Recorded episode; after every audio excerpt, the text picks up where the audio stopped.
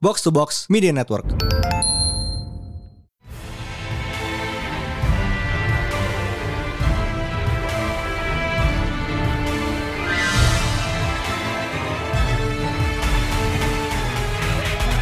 And lo, there shall be another crossover. Karena di sini gue ada bersama Hai, gue Amy. Apa kabar? and Gua Rana, what up? Yap, eh, kali ini kita bertiga aja. Eh, Lisa sama Kalia lagi dipanggil menghadap Arisham ya. yeah, so big Marvel release like last week because this week we are talking about The Eternals. Eternals ini gue bisa lihat ini semacam eksperimennya Marvel memperkenalkan karakter yang quote unquote unknown to general public kayak dulu mereka bikin Guardians ya. Hmm. Tapi kalau gue lihat Eternals sih bahkan between comic fans ya yang tahu dan kenal dekat dengan Eternals tuh nggak banyak juga. Not like Guardians kan Guardians is a cult thing lah kalau di Marvel pre pre movie tuh it's a cult thing. Sementara see. Eternals itu gue nggak yakin ada cultnya. yeah, so it, well, how was Eternals for you guys? Mi gimana? Eh, Eternals, eh, jujur ya, jujur, ekspektasi gue eh, terhadap film ini tuh non-existent karena gue nggak kenal seperti kata lo dan gue nggak tahu siapa itu Eternals. Gue nggak pernah denger nama karakternya di mana pun. Maksudnya kalau lo bandingin sama Guardians of the Galaxy, gue pernah tahu ada eh, contohnya Adam Warlock gitu. It's a Hmm. Guardians character yang pernah nongol di eh, komik Marvel gitu kan. Terus waktu itu gara-gara Tony Stark gabung ke Guardian muncul di komiknya Guardians, jadi gue udah tahu Guardians itu siapa. Iya iya. Tapi kalau Eternals nih kayak asli gue nggak tahu who is Tina, like who is Ajax, gue nggak kenal sama sekali Eh, dan apa namanya, eh, gue nggak kebayang aja ngeliat dari trailernya, ngeliat dari promo-promonya, nggak kebayang sama sekali filmnya bakalan jadi kayak gimana. Dan yang bikin rancu lagi adalah film ini disutradarin sama Chloe Zhao. Dan gue nggak tahu gimana Marvel bisa bikin film dengan sutradara semacam Chloe Zhao gitu. Maksudnya kalau nonton Nomadland terus lo mikirin, hah dia nyutradarin film Marvel. Kayak does not compute gitu loh. Gue, gue masuk sebagai penonton yang ya bisa dibilang netral dan setelah gue keluar dari bioskop komentar gue cuman hmm. So basically coming in super cold ya. Iya. Lo nyaris nggak nggak kayak nyaris nol gitu. nyaris nol dan hmm, itu sebenarnya nggak negatif cuman cuman gue kayak harus memproses dulu film eh, itu maunya apa gitu karena Hmm.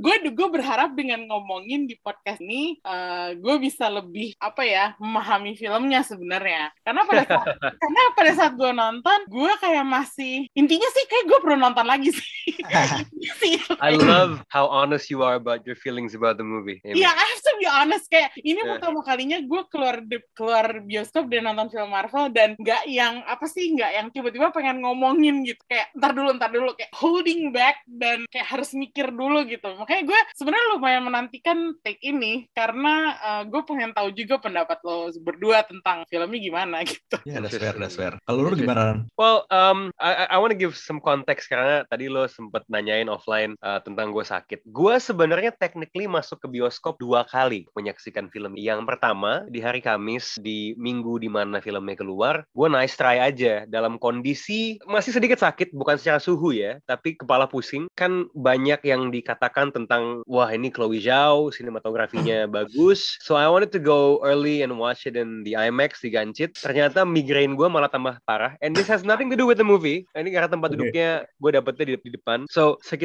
menit ke 20-30 gue akhirnya you know what? Ini emang kayaknya gue terlalu sakit buat nonton. So I went out. Besoknya di CGV gue nonton di Starium dan walaupun kepala gue setelah nonton filmnya ada momen terus pusing lagi ya kayak migrainnya tuh kayak ganti sisi it was still better lah. Gue bisa menonton dan menikmati filmnya. Um, and just some background context gak uh, gue juga nggak pernah baca ya satu halaman komik pun tentang uh, komik Eternals gue nggak familiar dengan tokoh-tokohnya. Cuman mungkin satu hal yang membedakan dengan Guardians yang cukup obvious adalah it's very related to uh, a lot of mythologies and stories that we know. Yep. gitu. Gue punya soft spot terhadap hal-hal yang sifatnya mitologis. I mean ketika gue masih kecil ya gue baca beda mitologi Yunani Mesir um, Babilonia yang muncul di filmnya spoiler Assyria dan lain sebagainya. So that's a part of just general culture that fascinates me as a kid that fascinated me as a kid gitu. Jadi gue lumayan penasaran sama filmnya gitu loh. Um, my gue juga memproses nih ketika keluar gitu loh kayak kayak it's not like kayak gue tiba-tiba ngerasa gila ya gitu loh. Cuman two things. Satu ya, gue tidak ikut episode kalian yang ngomongin Shang. Gue lebih suka Eternals daripada Shang. Itu satu. Dua, Mega hot take. Udah keluar ya, aja. jujur, jujur. Shang, gini, dua-duanya menurut gue at time suffer the same problem. Um, eksposisinya banyak ya. Um, but I'm much more fascinated dengan eksposisi Eternals dibandingin The Shang. Itu bisa jadi bias gue. I don't think Shang Shang-Chi is much of a tanpa Tony Leung, to be honest. Um, Nggak but- salah. There's, a- a- ada satu hal ya yang menurut gua satu sensasi setelah keluar dari Eternals yang nggak pernah gua rasain dibandingkan film-film Marvel lain. Gua actually mikirin terus soal keputusan-keputusan yang diambil tokoh-tokoh di dalam filmnya. And I found myself caring about the relationship between the characters in the movie more than any other Marvel movie, surprisingly. Oh, Um, hmm. Ini relationship yang sifatnya mungkin bisa romantik, bisa enggak ya. Hmm. Like gue tuh abis itu I spend a lot of time di social media nyari-nyari bacaan soal Gilgamesh sama Athena. It's so cute. I just can't gitu loh. And maybe itu hey, mungkin itu kali ya bedanya sebuah film ketika didirect sama someone kayak Chloe Zhao. There's so much love in the movie ya. Dan banyak dialog tuh yang setelah gue pikir-pikir ya, itu tuh sensasinya tuh kayak oh, kayak jelek gitu loh. Ya. Yang kayaknya gue kalau nonton film Marvel lain tuh gue nggak sering mendapatkan sensasi itu deh gitu loh. And obviously I admire the ambition. Um, film ini ngomongin soal basically kreasi universe-nya Marvel. Um, and it's a beautiful movie. And apa ya? Menurut gue jujur ini film Marvel yang has it's really trying to be different and really trying ambisinya gede banget gitu. And even though sometimes mungkin karena pacing issues um, itu nggak sampai misalnya. Um, and maybe this is not everyone's cup of tea gitu. Gue I admire that gitu loh. I really admire that. Uh, this movie itu justru momen-momen paling tense itu ada bukan ketika lagi berantem, lagi mukul nendang, lagi ada ledakan, tapi ketika mereka lagi tokoh-tokohnya ini, these demigods lah, or whatever, or these eternals, ketika mereka mencoba apa ya, memahami how they view the world, how they view humanity, and dari apa ya, pertimbangan-pertimbangan soal itu keputusan apa yang mereka akan ambil. Kayak I don't know, I, just I just find it cool gitu loh. Dan ta- ta- tapi gue ngerti gitu loh. Ini gue kasih bocoran ya. Gue sempet video call ya for the first time sama salah satu anggota JKT kemarin ya. Um, dan sebenarnya karena bingung mau ngomong apa, gue dikasih tahu sama fans lain dia bisa nonton di Eternals ya. And then I actually asked you, I asked her, what did you think of the Eternals gitu kan? And then she said, ah kurang kak, 4 dari 10 gitu. Uh. And I'm like, oh no gitu. Tapi I can understand that. Uh, kayak ini memang apa ya, taste after taste-nya tuh beda banget sama Hmm. any any Gede, other film Marvel Cinematic Universe uh, in recent memory ya. Gitu. So itu sih mungkin ya. Uh, I'm I'm still obviously still processing how I feel about it. Tapi menurut gue angle yang diambil sama Eternals and what it what it is trying to convey itu, uh, I, I love it gitu. I admire it. Iya, ke to your point ya, gue rasa tuh Eternals itu benar-benar film Marvel yang they try something different, kayak they, they're taking big swings. Not all of them hits, tapi when it hits kayak especially kayak uh, the humanness of the kayak the ironic humanity of the Iya. Eternals gitu loh.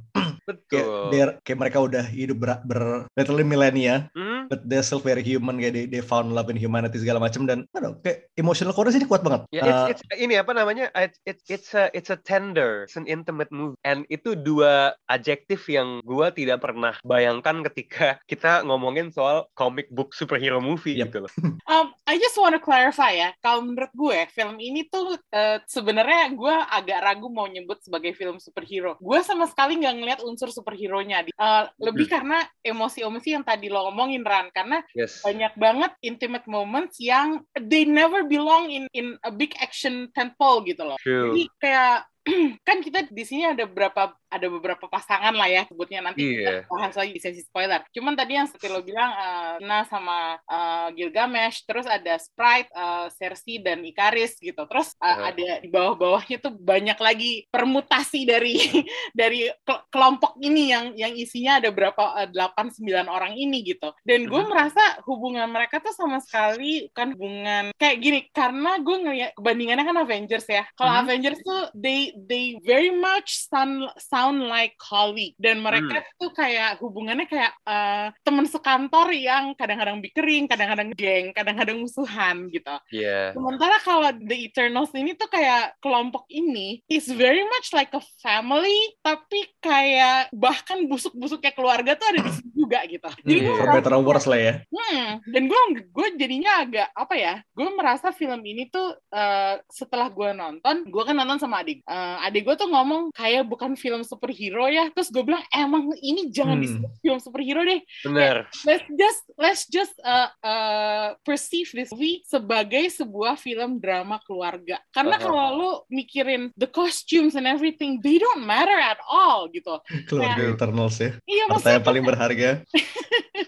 jadi gue tuh kayak merasa apa ya uh, terlepas dari spektakelnya yang emang ternyata jujur aja uh, Chloe Zhao juga ngedirect Aha. action gitu cuman Yeah. gue merasa kayak bagian itunya tuh nomor tiga apa nomor empat tuh nomor Aha. satu tuh adalah the relationship terus yang kedua adalah the existentialism gitu of it Yes. all itu karena itu cukup uh, cukup apa ya bisa dibilang powerful dan mind blowing juga konsep-konsep yang diperkenalkan di sini Hmm. creation of the MCU like what we are created by um, a creature not uh, tanda kutip God gitu Right. Big Bang it's not a Big Bang it's it's a Something else itu ya.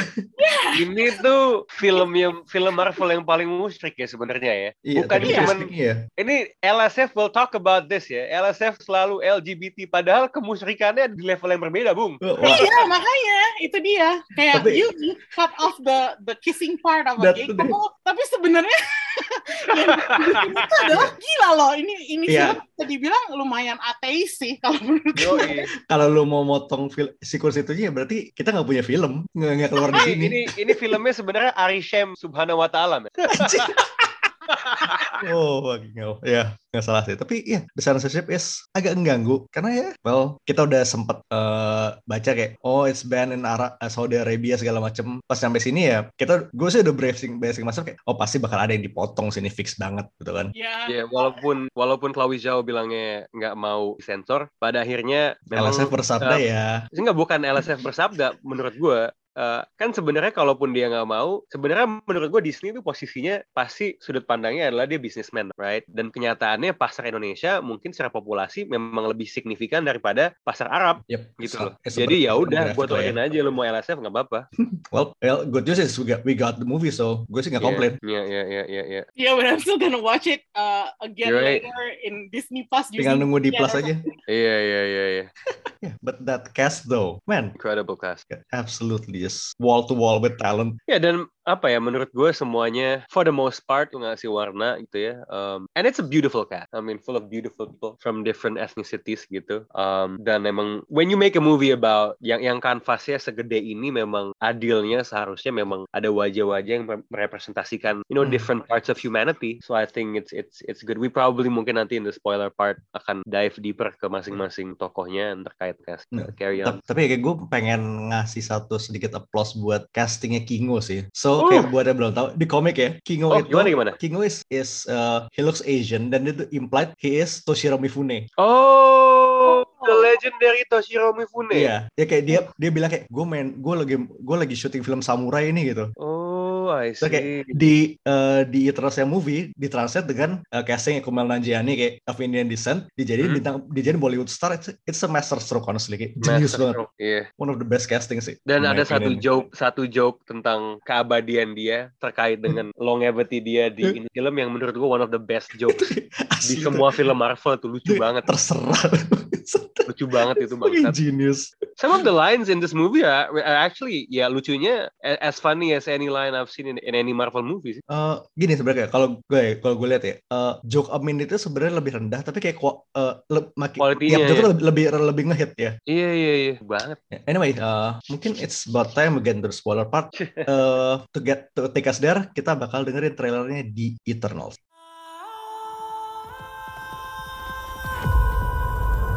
Five years ago, Thanos erased half of the population of the universe. But the people of this planet brought everyone back with a snap of a finger. The sudden return of the population provided the necessary energy for the emergence to begin.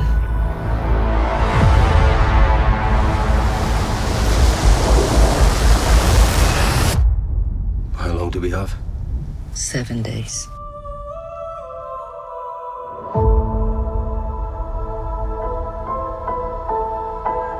We're Eternals. We came here 7,000 years ago to protect humans from the deviants.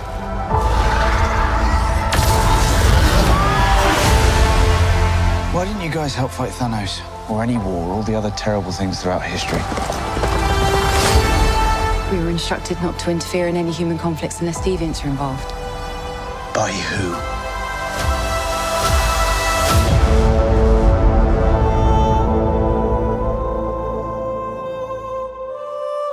We need to find the others. I haven't seen some of them for centuries. I. Hello. This is what the end of the world looks like, at least we have front row seats. You know what's never saved the planet? Your sarcasm.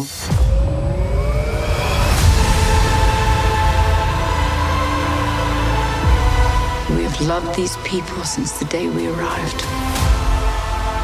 When you love something, you protect it.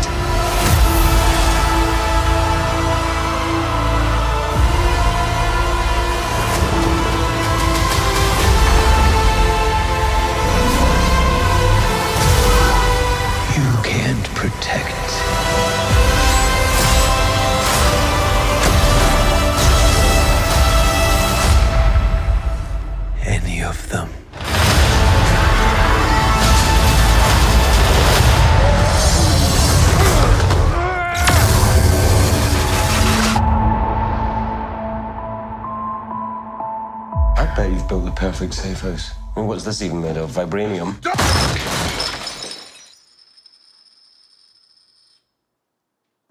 Fall collection. IKEA.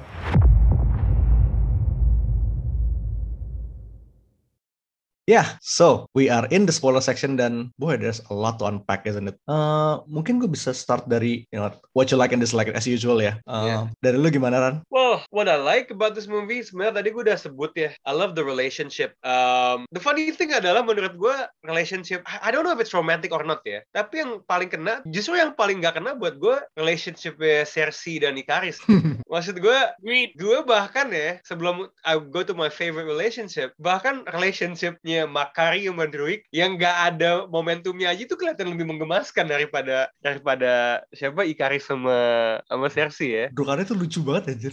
Iya iya iya kayak like like like Rick sama Makari lihat-lihatan aja tuh udah gemes sebenarnya ya. Um, Gilgamesh and Tina, Don Lee is a fucking great actor ya. I wanna start at that. Kayak he is a man's man ya. Not just by the size of his biceps ya, but the softness of his heart ya. Uh, Oh. gue tuh gue tuh ampe abis setelah ngeliat film itu tuh kayak ngeliat-liat uh, wawancaranya gitu ya behind it. dan si it seems like Donnelly sama Angelina Jolie tuh lumayan struck a friendship outside of the movie um, and the relationship is like so so deep. Um, kayak bener-bener yang satu tuh menjaga yang satunya lagi. Man ketika adegan di mana Tina memorinya rusak terus uh, dia dibilang lo tuh harus di reset sehingga apa namanya uh, biar bener lagi tapi nanti ingatan lo bakal hilang. Terus dia kayak sedih. Gue nggak pengen ingatan gue hilang. Itu tuh gue awas itu gue lumayan mewek sih sebenarnya ya. Kayak I mean sometimes lo tuh kehilangan ingatan tuh gue ngerti kalau ada yang bilang itu lebih menakutkan daripada kematian right? Yep, yep. Um, and then ketika si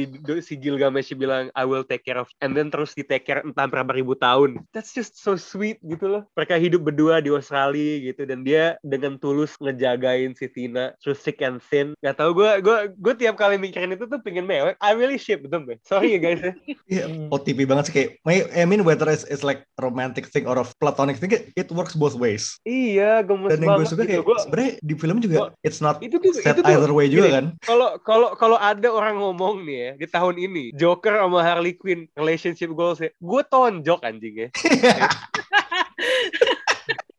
Please, peak relationship goals itu, mau itu romantic platonic itu adalah Gilgamesh, Socket and jumping on to Thina, man, gue gue gak ngerti ya, Angelina Jolie itu vampir atau apa ya?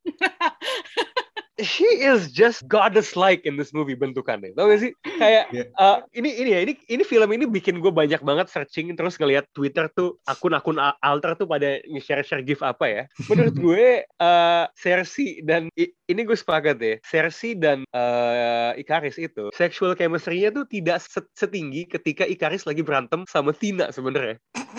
ketika Tina bilang apa uh, ketika Ikaris bilang I've never uh, fought you terus si Tina bilang but I've always wanted to. Oh my god apa pun orientasi lo how do you not get a boner in that scene man how do you not gitu um and I also love I also I also like Fastos you know Oh, hmm. Fastos tuh is very maternal he cares so much about humanity bahkan sampai mau ngasih teknologi yang terlalu canggih ya um, No, that, I that's, felt that him- scene tuh, that scene kayak Iya. gue mau kasih dia steam, mereka steam engine. Nah, Iya. buat ah, I give you the plow. Nggak, What iya. It plows. Lucunya tuh konseptual gitu loh. Maksudnya emang it's it's rooted in the in the characters gitu loh. Tapi ketika Fastos turun dan dan berantem gitu, jago men berantemnya kayak kekuatannya keren gitu, kayak bisa bikin-bikin sesuatu gitu. I, I also love their powers, you know. It's semuanya tuh kayak consistent with the gold kind of frame gitu. But but the way they they they use it is, is so elegant. Hmm. Uh, Makari itu sebenarnya menurut gue salah satu portrayal speedster yang yang yang yang paling seru sih dan walaupun dia nggak nggak banyak ngasih kekuatannya when she's angry and when she uses it it's, it's kind of cool gitu so I mean gue gue masih lagi uh, rambling sedikit ya just trying to remember what I like tapi yang Hmm. sticks out the most are the relationship dan yang gue paling suka gitu yang gue terus mikirin berhari-hari itu Gilgamesh sama Tina Yeah, that, that that's a very very valid point sih. But what did you not like? Uh, what I didn't like, uh, I think you have a case soal soal pacing ya. I mean, it, it is kind of slow. Um, it just go, it also goes a bit back and forth. Um, menurut gua ya Ikaris sama Cersei itu se- serviceable aja sebenarnya ya. Ya udah gitu ya. Iya. Um, apalagi ya. Obviously censorshipnya bagi gue ganggu. Um, so I think probably that kali ya. Hmm. Um, uh, hal-hal yang yang yang, yang kurang gue sukai. But it's like the things that, that, that I like from Eternals itu lumayan lumayan nyangkut sama gue gitu loh. Kan pada akhirnya kan gue gue tuh ngerasa ketika lo nilai film bagus atau enggak ya, sebenarnya tuh perkara variabel tau gak sih lo? Let's say film tuh bisa lo bedah jadi banyak variabel, banyak elemen, right? It's really subjektif subjektivitasnya kan ada ada di did you uh, like uh, lebih banyak variabel yang lo suka atau enggak gitu loh. Nah gue ngerasa di film ini tuh ada satu dua variabel yang gue suka banget, and that's why gue suka film. Kalau orang lain nggak nggak suka banget atau lebih banyak variabel yang ternyata mister filmnya ya, uh, I get it juga. Cuman kalau disuruh ditanya apa yang gue dislike ya mungkin hal-hal itu. Ya, that's fair. Gue sendiri ya, balik lagi kayak ke the whole humanity of it gitu loh. Uh, gue tuh ngelihat ya, again, it's trying to be different. Kayak it doesn't always work, but when it works, it does work. Karena ya, the whole family thing, the whole family angle, kayak lu punya superhero team yang akhirnya benar-benar, it- it's an actual family, kayak quote unquote ya, dibuat bareng-bareng gitu. And the sheer fact bahwa kayak, you know, this is something new. Kayak ini, oke, kita punya, udah pernah punya cosmic scale di, cosmic scale movie di Guardians kan, tapi ini, this is cosmic on, on a whole another level gitu, benar-benar di upping di ending kayak, I mean, coba, lu, your main, kayak your main threat sini adalah a celestial about to be born from the inside the earth kayak literally world shattering consequences gitu loh. Ya, I mean, ini tuh tuh film ya, mungkin ya kalau agak sederhana. Tentang malaikat-malaikat yang dikirim untuk eh, menjaga umat manusia yang kemudian membelot melawan Tuhan. Karena ternyata agendanya Tuhan tuh bukan seperti yang pada awalnya diwahyukan kepada ma- malaikat tersebut. Hmm, ya kayak walaupun sebenarnya ini sebuah, I mean the concept is very sledgehammered in, tapi kayak the concept kayak you know, uh, apa risk risk risk a thousand, risk millions to save a, a thousand tuh kayak, you know ini moral dilema yang kayaknya paling prominent di sini gitu loh, dibanding film-film manusia lain. So it's Oh, ini- something new, it's refreshing. Ini ini sebenarnya masih konsisten kan dengan si si Captain America ngomong we don't trade lives. Iya. tapi sih benar-benar ya konsekuensi real gitu loh. Iya iya iya. iya. The whole Oh, there's th- there, there's one more thing yang gue uh, suka dan ini akan membandingkan film ini dengan Chang ya. Oh. Um, ketika film ini diumumkan, pasti banyak pertanyaan tentang ini ketika ada Thanos, Eternals sih ngapain gitu kan. Menurut gua, film ini menjawab pertanyaan mereka ngapain itu dengan lebih apik daripada Shang-Chi. Shang-Chi itu gue bingung sebenarnya kalau dipikir-pikir. Ini Ten Rings tuh ngapain, man? Did they disappear or not ketika blipnya? Uh, how do they actually rule from the shadows ketika ada Hydra? You know, that actually that, that movie leaves a lot more questions in my head soal posisinya di dunia Marvel dibandingkan Eternals yang skalanya uh, jauh lebih gede. Ya, tapi considering uh, uh, the relationship between Thanos and the Eternals, which we'll get into in a, in a little bit, ini excuse-nya ya valid sih. Somewhat valid. Uh, but what I did not like was sebenarnya dua hal yang bertentangan sih. Karena, gue rasa kayak we could have dug more about these characters. Kayak, I would love to see more, tapi di sisi lain ya dua setengah jam itu cukup panjang. Hmm. attention span gue udah mulai rusak jadi kayak dua setengah jam tuh udah I'm finding it starting to hard to focus. Yeah. Tapi kayak, but kalau lu ngambil satu, lu gak bakal bisa ambil satu lagi. Gue pengen ngeliat mereka lebih banyak, tapi gue gak bakal kuat nonton film tiga jam. Alias ini satu lagi trope di mana manusia tidak pernah puas.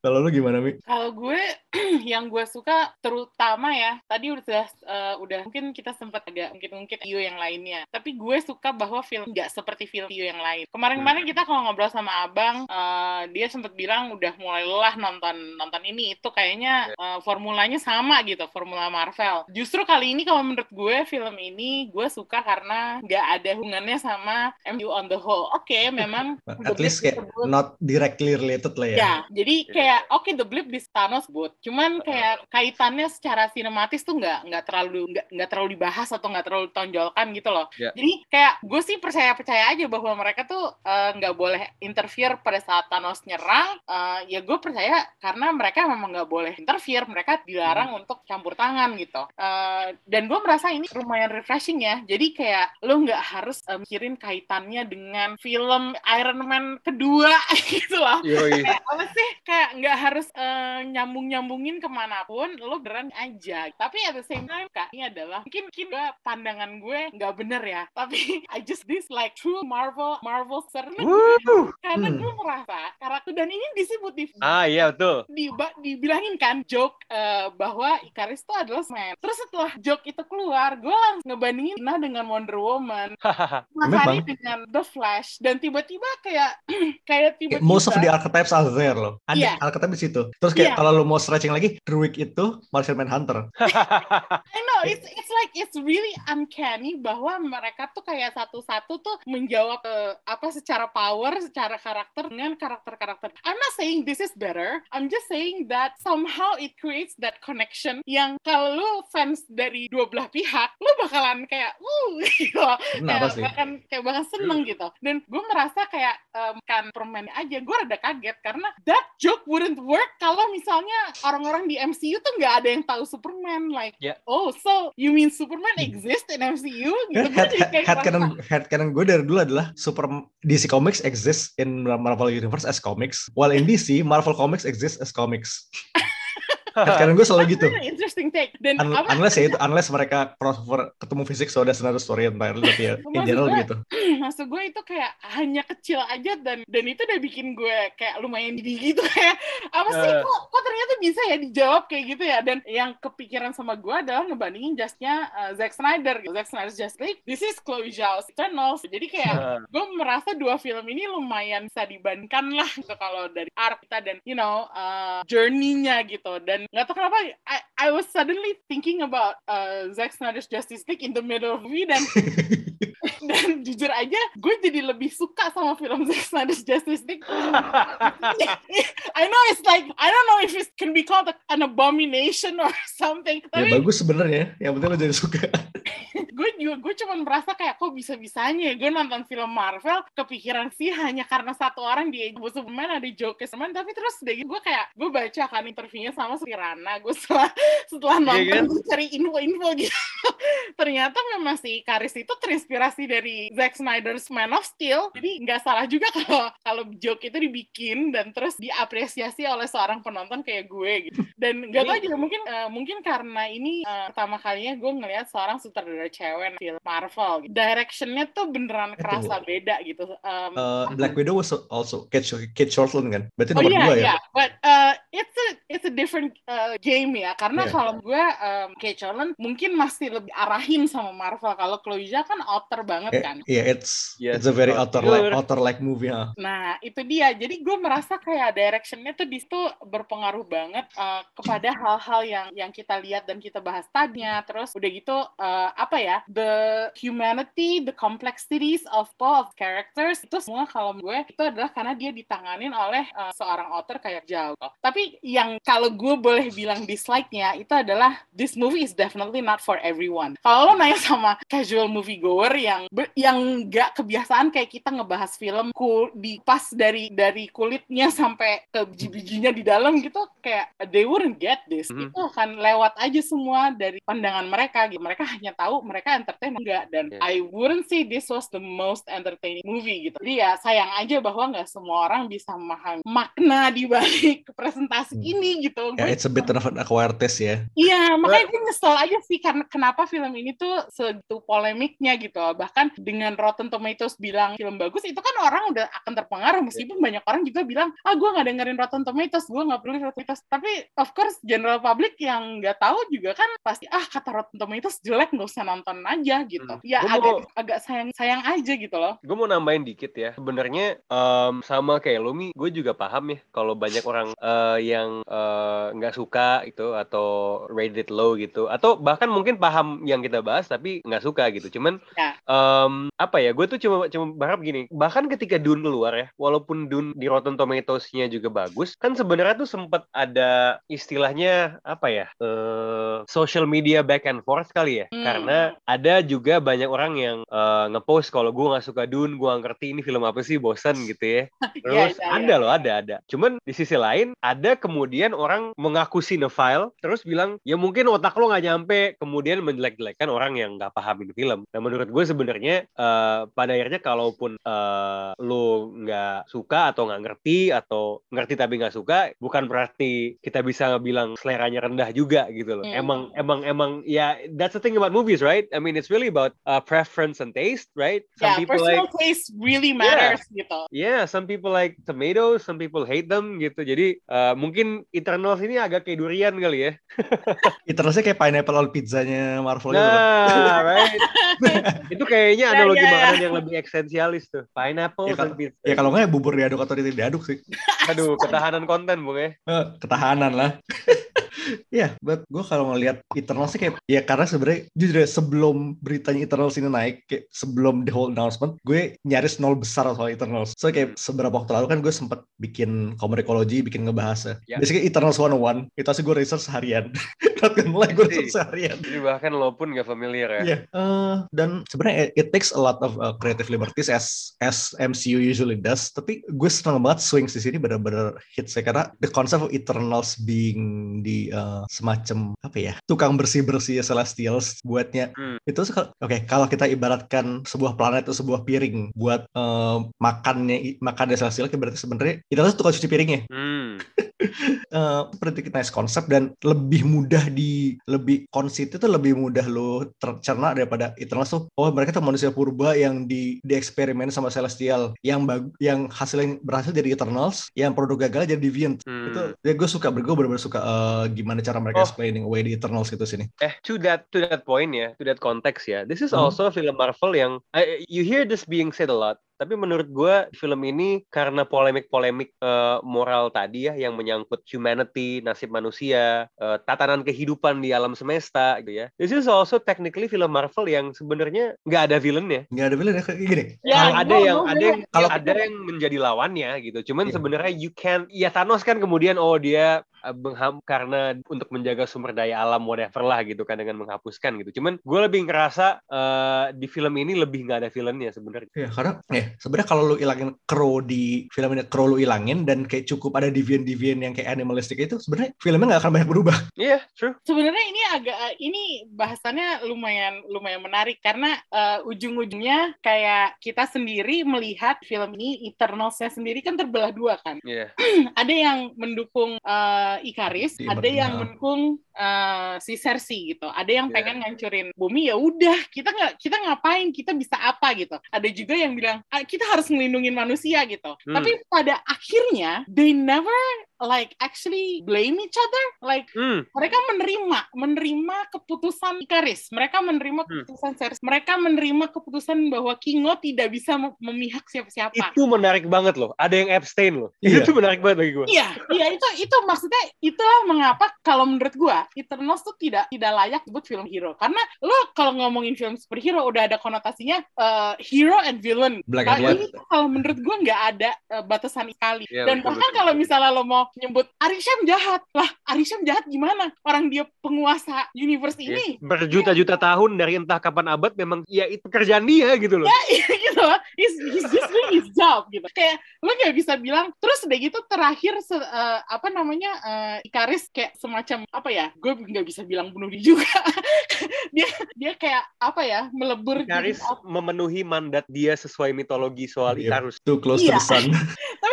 Pada saat itu pun kayak gue nggak merasa eh, apa ya? Gue nggak merasa dia tuh dibenci sama yang lain gitu. Pada Iya, saat betul. dia telah mengorbankan, eh, telah membunuh Ajax. Gak kalau gue ya, ya itulah mereka apa adanya gitu. Jadi lo bayangin apa namanya itu tuh ini tuh film beneran apa ya? Kayak berusaha memperkenalkan konsep bahwa eh, ya inilah yang disebut gray area gitu. Kita semua manusia hidup dalam gray area gitu. Nggak nggak ada yang beneran heroik banget, nggak ada yang beneran jahat banget. Ya, Like like semua like, punya like everyone is is is choosing between between what they love and their duty gitu kan. Mm-mm. Hmm. Um, keputusan-keputusan dan keberpihakan mereka di konflik pada akhirnya kan didikte oleh itu gitu loh. Buat si Ikaris ya pada akhirnya dia ngerasa duty itu adalah yang terpenting tapi dia pun pada akhirnya kalah dengan dengan hal yang dia cintai gitu loh. Iya. Ya, in the end Icarus sebucin jatuhnya. Iya betul. Ini ini temen gue ada ada ada satu yang bilang ke gue, Karis ini adalah epitome 21st century male chishet katanya.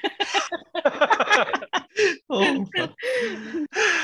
tidak salah. Tapi eh, banyak-banyak konsep-konsep komik yang diba- diboyong ke film ini kayak Matwiri itu Matwiri is an actual thing in the comics kayak Begitu. kurang lebih sama ya. Ya Eternals Alzheimer's lah jatuhnya ya. Oke. Eh, atau kayak di Unimind juga sebenarnya ini menarik karena it is, it is a thing that happens eh, di mana orang mereka tuh benar-benar kayak gatai jadi satu to become something greater. Oke, eh, sebentar, bentar. You were asking me one thing that that I dislike. Ya. Eh, sebenarnya setelah, setelah gue pikir-pikir the whole Unimind thing gue gak terlalu ngerti ketika kejadian. So probably that's something yang uh, I, I I didn't really like. Ya, itu agak itu agak throwaway sih kayak kayak kayak it was it wasn't really clearly explained to the point di mana it kind of felt like akal-akalan gimana caranya si Celestial ini eh si Eternal ini bisa ngalai bisa menghentikan Tiamut gitu loh. Ya kayak it feels such like a, pull that shit out of my ass gitu gak sih? Iya iya.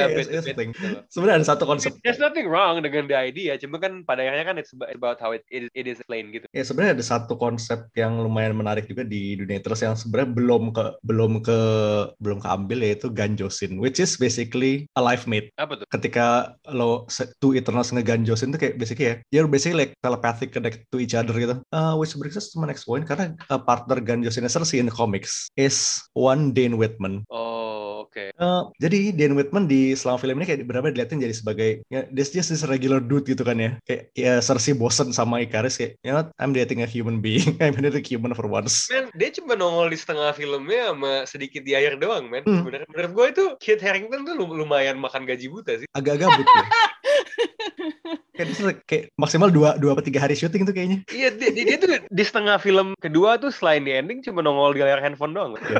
Tapi emang dia sendiri ngaku sih dia eh, dia syutingnya tuh gampang banget, datangnya terakhir, Hmm. terus tempat syutingnya di London deket rumah dia katanya. itu Jadi dia gabut banget cukup jalan ke set, terus udah gitu yang lainnya udah capek gitu, mukanya udah lelah, dia mager gitu. pulang ya itu tuh gak- easy money banget sih tapi ya eh, Tapi lo bisa elab- elaborasi eh, sedikit nggak? Sebenarnya signifikansi dia apa sih? Karena gue kan dibilang Dane Whitman ini tokoh Black Knight. Eh, so who is Black Knight? Signifikansinya apa? Dan maybe you can actually tell us a little bit tentang signifikansi dari post credit scene yang ada dianya. Ya, which us to the point. So, uh, di tengah film tuh kayak si Dan, Dan itu kayak ngomong pas, ya, pas itu ya, pas sebelum Cersei ditarik menghadap Arishem lagi, Mhm. uh, dia sempat ngomong kayak, "Yeah, my uncle is something something gitu kan. Iya. Jadi pamannya itu adalah, uh, kalau di komik dia itu super villain, uh, the Mhm. Black Knight too. So dia tuh kayak membawa lineage the Black Knight yaitu, well, Black Knight as in an evil knight during the king, during Arthurian times. Hmm. Oh, Nah, terus di post credits kan dia, dia entah gimana nemuin uh, kotak sebuah uh, chest berisi the Ebony Blade, ya pedang hitam itu. Hmm. So the Ebony Blade, the Ebony Blade itu basicnya adalah uh, kayak quote unquote ya di apa di bad counterpart of Excalibur gitu kayak apa Oh, oke. pedang pedang mistis haus darah gitu. Excalibur jahat ya, menarik. Oke, terus. Basically an evil Excalibur ya. Uh, kalau di komik itu kayak Dan itu uh, he's been like dia emang sering banget struggling untuk uh, resisting the influence of the body blade. Jadi kayak bener kadang kalau emang bener-bener dia in control, jadi dia berserk. Hmm. Ya, so, jadi Tapi pertanyaan gue adalah kenapa terus dia ditanyain sama si Marshall Ali? some dude off screen ya. Jadi technically Suaranya ya. di sini tuh Iya, terus the debut- voice of Mahershala kan? di sini tuh ada dua orang blade, ada dua buah blade. Oh. Yeah, I mean like what's the connection between Dane Whitman dan Blade? Uh, I mean ya as we know ya Blade, eh, the Blade the person itu vampire hunter. Berarti dia punya koneksi ke eh, the the mystical side of the Marvel universe kan. Dan kita ngomongin Ebony Blade, uh, it's steep in mythology ya. Technically speaking ini bakal lumayan lari ke arah mistis juga kan, ke arah klinik juga gitu. Oh. Jadi feeling-feeling gue ini kayak planting the seeds for for an eventual kayak Midnight Suns like team up. Jadi tim yang isinya uh, tim yang isinya mystical people. So kemarin juga Werewolf by Night tuh ada castingnya kan. Who was cast again? Oh, itu Uh, gue nggak tahu. oh, uh, Gael Garcia Bernal. Oh, oke. Uh, dia berapa minggu yang lalu di casting sebagai uh, Werewolf by Night, which is obviously he's a werewolf transformed at night. At night. Obviously. Oke. Uh, ya, jadi kayak dia gue, siapa? well, he's a werewolf. No, maksud gue dalam eh, musuhnya siapa kalau di Oh. dunia Marvel? Jadi ini sebenarnya side character sih jatuhnya Jadi kayak kadang-kadang nongol, kadang-kadang enggak. Tapi tapi paling sering nongol tuh di well the team called kalau nggak Legion of Monsters Midnight Suns, which is ya uh, sebuah Hmm. superhero team yang isinya uh, orang-orang yang clan- uh, mystically inclined. So you have at one point lo punya Ghost Rider, lo punya uh, what's his name Morbius. Ini Hmm. revolving door gitu loh. Jadi Ah, as long as you're kayak tangentially mystically inclined, biasanya kayak lu per- pasti pernah mendarat di Midnight Suns. Jadi ini Midnight Sun ini Avenger versi edgy ya. Exactly. Hmm, ini Avenger versi ngap-ngap kiri berarti ya. Iya, iya, oke, oke. But it's still interesting karena tiba-tiba Blade gitu kayak yang kita belum kayak sebelum kita dengar suara Marshall Ali di sini tuh belum ada beritanya selama bertahun-tahun kan sejak di casting Iya, Comic Con. Ya, sama sama a few things. Maksudnya Marshali, I think bagi sebagian besar penonton, kalaupun lo tahu namanya, lo lebih familiar dengan mukanya daripada suaranya ya. Yep, Although it's a great voice gitu. Jadi gue ngerasa eh, scene post credit scene yang itu tuh lebih banyak bikin penonton bertanya-tanya gitu. Ya karena gue juga nih kayak suara gue pernah dengar tapi di mana ya Iya. gitu kayak pas Ya keluar. ini apa gitu kan. Tidak dibandingkan post credit scene pertama yang menurut gue itu itu yang itu malah bocor kan. Post credit scene pertama tuh malah udah dibahas di media-media mainstream Amerika kan. Ya, se- bahkan eh, sehari setelah premiere day-nya kan. Iya, itu sangat sangat unusual tuh bisa bocor. Ya, Tapi kalau menurut gue after credit scene yang pertama tuh yang uh, the Harry Styles thing, Yes. kalau menurut gue kayak itu cuman kayak fan service aja sih. Kalau iya gua- ya, karena makanya dibahas. coba deh, uh, I mean, apakah Eternals akan dapat sequel gitu? Well, kalau menurut gue enggak kan? well, sebenarnya kayak udah dikasih kan di Eternals will return kan. So I'm guessing yes. Ya, will return. Or, or return in in other properties. in another yes. movie Iya. gitu, maksudnya bisa aja. Possibly. Gitu. Kayak kalau menurut gue nggak akan nggak eh, kecil kemungkinannya untuk Eternals tuh dapat sequel gitu. Jadi kalau kalaupun eh, gue nggak tahu ya, misalnya apakah eh, tiba-tiba di Harry Styles dapat film Marvel sendiri bisa jadi, terus nanti ada Eternals-nya gitu. Tapi Kayaknya sih gitu ya. Kalau gue saat ini menganggap uh, dua uh, si after credits yang pertama yang ada Harry Styles itu lebih ke fanservice aja kayak oh let's connect this to Thanos by giving him by giving everyone his brother gitu terus udah gitu Oh, kan man. yang ada pertanyaan di di semua orang adalah kok adanya nggak ungu ya. Nah, nah, Darin, oke tadi kan gue sempat bilang we'll get to the whole Thanos thing. So, but first things first, kayak sebenarnya gue kaget juga ada dua debut di satu di sini tuh. So, the little guy, Pip the Troll, voice by Patton Oswalt by the way. oh itu benar. oh my Patton god Oswalt. Jadi setelah dia Patton Oswalt berarti udah tiga kali muncul di Marvel loh. Uh, as the Kinix, langganan Kinix, Modok, sekarang Pip. So Pip the Hmm. Troll ini, well, he is a little troll. Dia biasanya main sama the more cosmically inclined people. So kita ngomongin uh, what's his name, Beta Rebel, kita ngomongin Thor, you know, Hmm. space people. Also Harry Styles is Eros aka Star Fox, the brother of Thanos. Jadi di komik emang beneran mereka kayak actually kakak adik kandung. Hmm. Uh, Ya. So, You're kenapa Thanos ungu? Now time you ask. why he's not purple why why is not purple why yes? Karena itu sebenarnya Thanos yang apes. Dia tuh dia dia sebenarnya eternal. Dia eternal yang jadi kayak di komik itu ada eternal yang tinggal di Olim Olympia Olympus gue lupa pokoknya ada yang tinggal di dekat bumi ada yang tinggal di Titan. Nah eternal eh, Thanos ini termasuk Eternals tinggal di yang lahir di Titan, tapi dengan dengan apa sih dia kena Deviant Gene, which is ya biasanya kayak mutant gene but in Eternals. Nah. So jadi karena itu dia ungu. Sebenarnya gini, pertanyaan gue yang berikutnya adalah, oke, sebenarnya kan walau eh, nggak ada nggak ada penjelasan eksplisit di adegan itu bahwa statusnya dari si Eros eh, ini adalah dia eternal ya. Se- se- seingat gue nggak ada nggak ada penjelasan yang se eksplisit itu. Kayaknya ada nggak? kayak he was Ada nggak? built as an Eternal gua, sih. gua nih eternal gitu. Dia dia ada nggak di ngomong kayak gitu? Gua gua sih nggak ingat. Nggak nggak disebut bahwa dia eternal juga, tapi disebut bahwa dia adiknya Thanos. Itu disebut jelas-jelas. Oke, oke. Nah, ya makanya gue tuh agak penasaran bagaimana ke depannya status eh, di KTP-nya Eros dan mungkin Thanos yang sis tuh treat dalam hubungannya dengan Eternal. Karena kan sangat jelas bahwa dari film ini Olympia sebenarnya tidak ada and they are basically, you know, robots program their job. Berbeda dengan Thanos yang punya agendanya sendiri Hmm. Atau sebenarnya dan mungkin Eros so so how will they how will they di- distinguish eh, eh, si Eros dengan stupid lain? stupid answer gue adalah simply they are like brothers not bukan bukan saudara kandung tapi seperti saudara you know his Oke. bro No, no, enggak, enggak, mungkin gini kan kalau kalau Eternals yang kebini, dia kan kayak oh kita nih punya tugas, kita nggak boleh interfere dan lain sebagainya kan. Nah makanya gue penasaran apakah Thanos dan Eros ini statusnya akan Eternals karena kan mereka jelas tidak melakukan, tidak terikat kode etik profesi seperti Eternals yang lain. hmm, we'll see Tapi makanya itu eh, tadi yang apa namanya yang gue nggak tahu tadi yang ngomong Dana apa Rana ya. Cuman cuman em, apa eh, the origin of Eternals ini kalau gue agak berubah kan dari komiknya Iya. bahwa ternyata mereka eh, manusia bukan manusia synthetic beings gitu Hmm. kan. Apa ya kayak ya bisa dibilang malaikat gitu ya. Kalau kita nganggap si Arishan adalah god gitu. Jadi ya of course mereka adalah malaikat gitu. Cuman kayak setahu gue kalau di komik uh, Eternals are are not not Yeah. synthetic. They're they're a people gitu. itu mereka tuh kayak eh, manus manusia purba yang di eksperimen eksperimen celestial. Hmm. Ya, dan yang berha- eksperimennya berhasil menjadi Uh, sementara Yang gagal jadi? jadi Deviants gitu kan. Heeh. Sementara di sini Deviants udah ada diri gitu. Iya. Kayak uh, I'm also wondering itu uh, di diubah seperti itu adalah apakah untuk simplify ataukah ada alasan lain di balik perubahan itu gitu. Karena kalau menurut gue ini bukan sesuatu yang sutradaranya atau penulisnya yang nentuin ini kayaknya sih kerjaan Feige gitu loh. Hmm. Kayak Kevin Feige pasti menentukan like this this this thing, this origin like gimana uh, lo menjelaskan sebuah kaum ini gitu. Dan mungkin ada penjelasannya di masa yang akan datang kali. Gue Hmm. nggak tahu. Jadi, jadi. tapi sebenarnya kayak this whole synthetic business sebenarnya bikin oke jadi di komik itu Eternal sebenarnya kayak they are just that Eternal kalau mati bisa resurrect lagi tapi di sini dibikin lebih gampang oke kalau inget mereka tuh one they are synthetic beings dan dua memori mereka disimpan di database di, di World Ya. Force ya kan Ya. jadi misalnya deh lo punya backdoor gampang banget kalau lo mau balikin Ajax sama Ajax Ikaris sama Gilgamesh Iya dan cetakannya juga kayaknya ada gitu kayak iya udah cetakannya udah ada cetakannya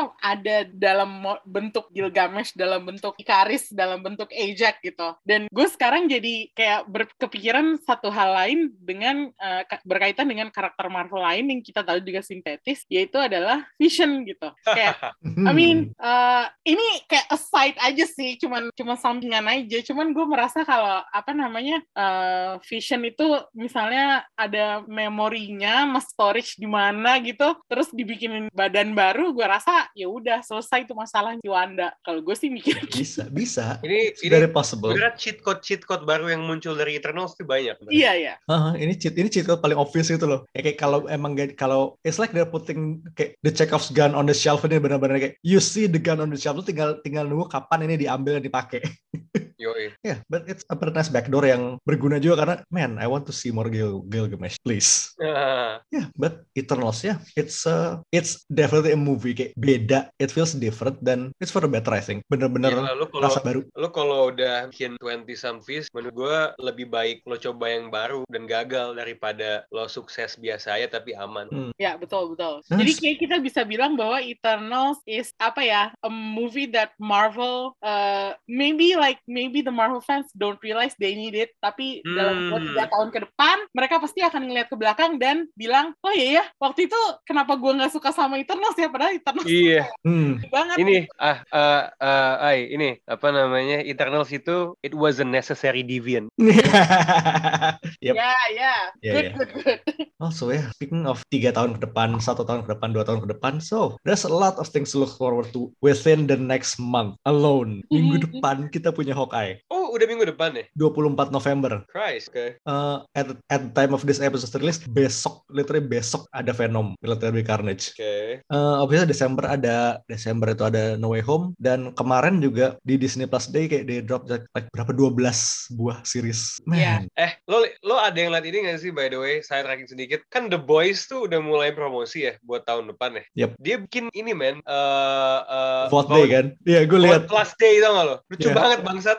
itu jenis itu Semua itu, semua jenis. toko-tokonya tuh kayak promosin streaming service and they all say plus ini bangsat banget itu menurut. itu itu itu that's a stroke of marketing genius kayak they saw the chance and they took it. Yes, bangsat bagus banget. Eh tapi ya, tapi ya kalau ngomongin Marvel yang luar ya. What if Spider-Man No Way Home is bad? Ooh. I don't know, man. Like, gue gue kepo sih. Like, this is, is so many. First of all, the posters are shit. Yeah. the po- Itu- wait, Ran, poster Apa? singular baru satu poster. Iya, iya, well, oke. Po ya, ya poster yang ada tentakelnya oke. Iya, baru satu anjir. Ada yang bilang itu melanjutkan tradisi poster Spider-Man Marvel yang jelek. um, I don't know ya. Uh, obviously, I don't want it to be bad. Cuman leak-nya banyak banget. Satu, entah disengaja atau enggak. Di di trailernya ya, ketika this whole multiverse ini terlihat kayak kecelakaannya Doctor Strange gitu ya. Kayak karena dia salah mantra gitu ya. I'm like, what the hell? Lo udah uh, melihat 14 juta kemungkinan alam semesta gitu ya. Uh, lo udah bawa setengah penduduk alam semesta kembali and you can mess this up gitu. Iya, Ada yang bilang ke gue Doctor Strange emang personalitinya emang rada rada emang rada-rada sih ya kalau di komik ya. Cuman That, gue that's why Wong left. Ya doesn't gitu, Tapi- gue bullshit. adegan itu ada ada ada kayak, heh, what really? Because of this gitu loh. So, but we'll see, we'll mudah-mudahan Okay, there might be more to it kayak karena ya again Marvel juga punya kebiasaan untuk berbohong di trailer kan. Mudah-mudahan ya. Ya we'll see. Nah, Nah, dari- sebulan lagi. And I've, I've, I haven't seen a movie with five villains gitu, five or six villains ya. Kalau emang bener ada Hmm. semua. Tiga aja udah Uh, bingung sih. Iya makanya ya tiga aja Spider-Man tiga aja gue udah agak pusing gitu kan. So I don't know, I don't know ya. Tapi akan sangat menarik aja kalau misalnya ternyata that movie is like a hot, a hot mess gitu loh. We'll see, we'll see on one way to find out. Tapi uh, 12 series Disney Plus yang udah ada trailer itu ada Moon Knight, Miss Marvel, and She-Hulk. Well sebenarnya belum ada trailernya, just like a single Eh, sebenarnya clip gitu. ya. snip snippet sih jatuhnya ya. Snippet, Bukan, it's ya. not even trailer. Moon Knight looks promising, honestly. Here's what I'm gonna say ya. Sekilas, on average, sinematografi dari series Marvel tuh secara warna looks better daripada di film. Dengan pengecualian internet ya. Um, it looks really interesting. But I will also add, kayaknya memang ini akan menjadi dua tahunnya Oscar Isaac ya. Emang ini kayaknya dia setelah di abuse di Rise of Skywalker, hokinya cukup bagus ya. Dapat banyak role oke sepanjang tahun nih. Baik dari yang sifatnya blockbuster maupun yang uh, lebih apa ya, indie award winning. Yep. Um, Uh, Starboy, uh, yes. Starboy, Sun Daddy sama uh, Moon Loser. Nah, that being said, what on earth is with his accent in that snippet? Nah,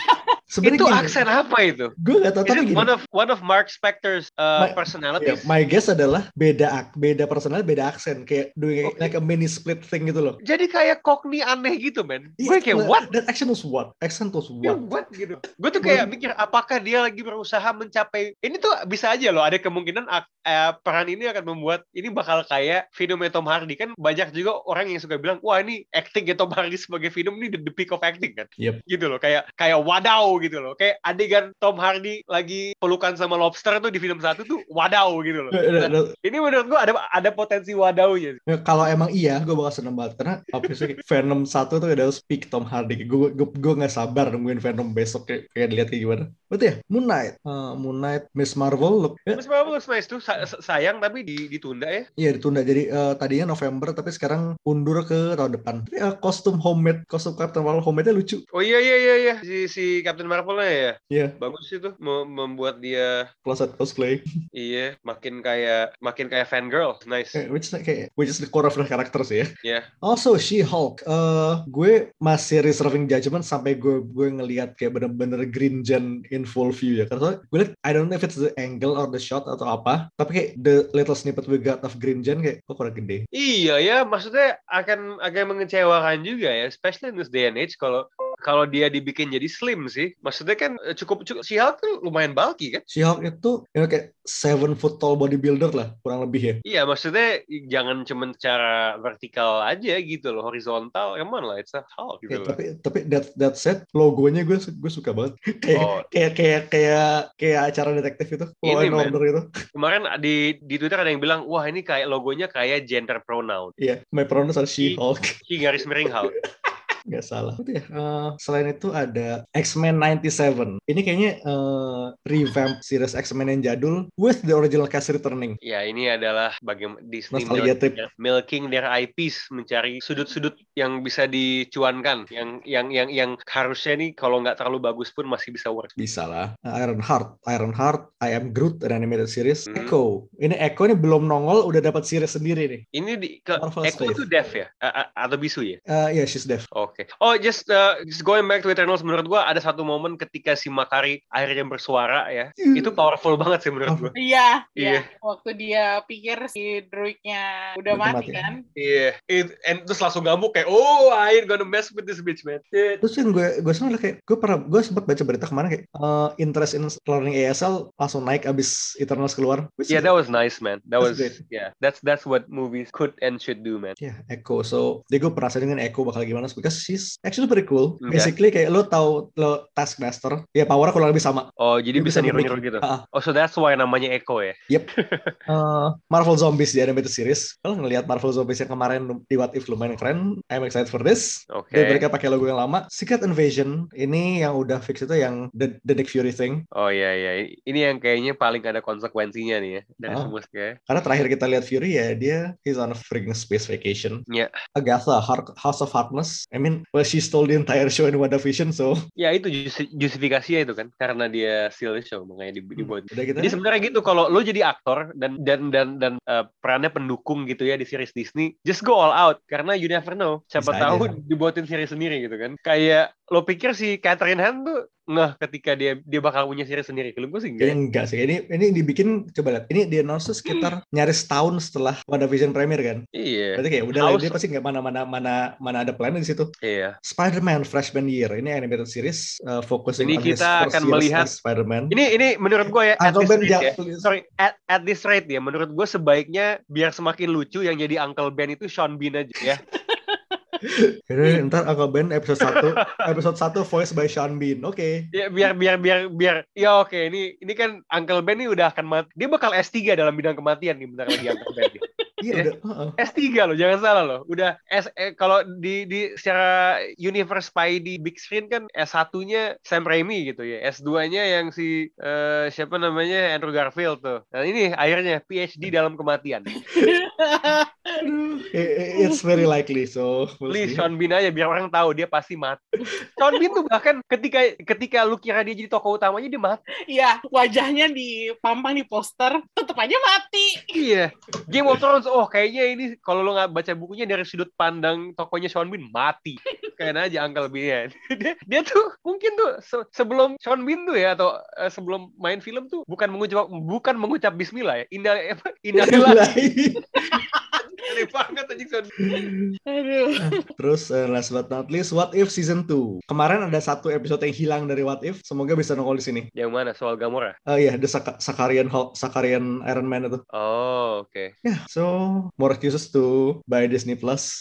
Cuma cuma maksudnya gini loh, gue sih berharap ke depannya series pun please Disney give us more wild like Eternal. Hmm. Apa pun itu arah karena ya itu dia gitu. Mungkin emang gini deh lu adalah perusahaan paling kaya di dunia ya dalam bidang entertainment gitu ya. Semua IP itu udah lo keruk. Nggak ada salahnya ada sesu, ada ada beberapa produksi yang mungkin bukan jaminan lah karena tetap secara keseluruhan tuh secara portfolio tuh akan buat galanya tambah menarik aja. Ya, taking a risk is fine Like, sometimes. on that note ya, Ran, tadi lo bilang lo takut dengan eh, apakah Spidey yang berikut ini rilis bakalan bagus apa enggak. Gue semalam kepikiran eh, berkenaan juga dengan eh, Eternals adalah yang enggak konvensional seperti film-film M sebelumnya kan. Hmm. Gak usah jauh-jauh deh, gue cuman pengen misalnya, seandainya ini ceritanya tuh tentang eh, a multiverse eh, chaos gitu. Eh. No Way Home ini kan. Eh. Gue pengen terakhirnya itu si Peter Parker udah eh, hilang atau mati, gantilah dengan Miles Morales. Udah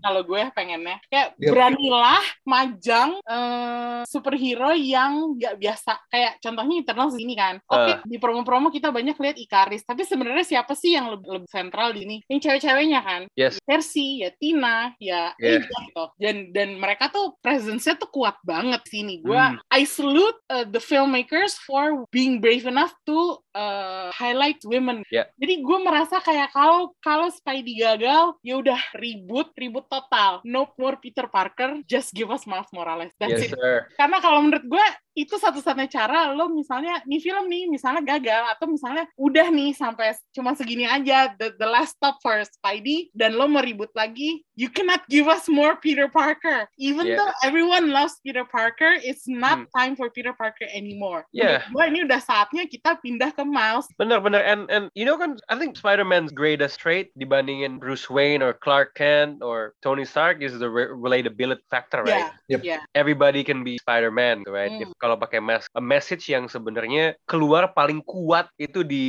Enter the Spider-Verse kan right? yes Um, which I thought was kind of beautiful ya. Mereka tuh idea itu tuh menjadi semakin kuat karena multiverse kan, because there's Ya, so many betul, different Spider-Mans, right? It it really hammers the point bahwa anybody can be Spider-Man. Um, if they make another one with Peter Parker, the secara optik tuh menurut gue juga nggak bagus, because berarti lo selalu bilang yang bisa jadi Spider-Man Cuma Peter is Parker. another white guy from ya. Queens gitu loh. ya So I think ya menurut gue the, the smart the the the right move the the, the necessary move kayak yang lo bilang tadi sih. we we've already had so many uh, a lot of Peter Parkers It's time for someone new kalau memang Spider-Man is true to the idea bahwa siapa pun ketika pakai topengnya bisa jadi jadi Spider-Man. Iya dan itu jadi gue setuju dengan dengan pendapat yang mengatakan bahwa take the risk gitu. Maksudnya Hmm. udah bukan saatnya lagi kita main aman gitu dengan rehashing the same old characters, the same 10 tahun ini kayak Iya. lo ngeluarin film pasti pasti bakal pada- orang pasti bakal pada nonton anyway gitu. Iya Hmm. gitu. Kalau misalnya lo mau sesuatu yang beneran kayak oke, you need to make uh, a new trend, ya lo trennya adalah mulai sekarang lo harus mulai bikin sesuatu yang uh, risky gitu, yang bisa Iya. jadi panutan studio lain gitu kan. Kayak ya udah, what why not a black superhero? Hmm. Um, gue sih kayak just take the risk dan emang saat ini gue rasa MCU memang lagi beneran butuh gitu. Seperti Iya. yang bilang tadi Eternals mungkin tahun ini masih karena setelah Black Widow dan Shang-Chi ya juga mungkin masih kayak belum bisa diterima secara luas. Cuman kayak 2-3 tahun lagi who knows people were gonna look back and say that oh iya ya Eternals ternyata oke juga ya gitu. Gue harap sih ya, gue harap sih Dikit gitu. by history kayaknya bawa-bawanya sih. See, we'll see, we'll see. But yeah, Marvel take more risks. Kita take away utama yang kita dapat dari sini. Yeah. And with that, that will be the end of this episode. Yeah, again, thank you Rana, thank you Amy for coming. Yo. Thank you. We will be seeing you for Venom very, very soon. Woo, busy month, busy month. Yeah, for now, this is Mindan signing off. Bye-bye.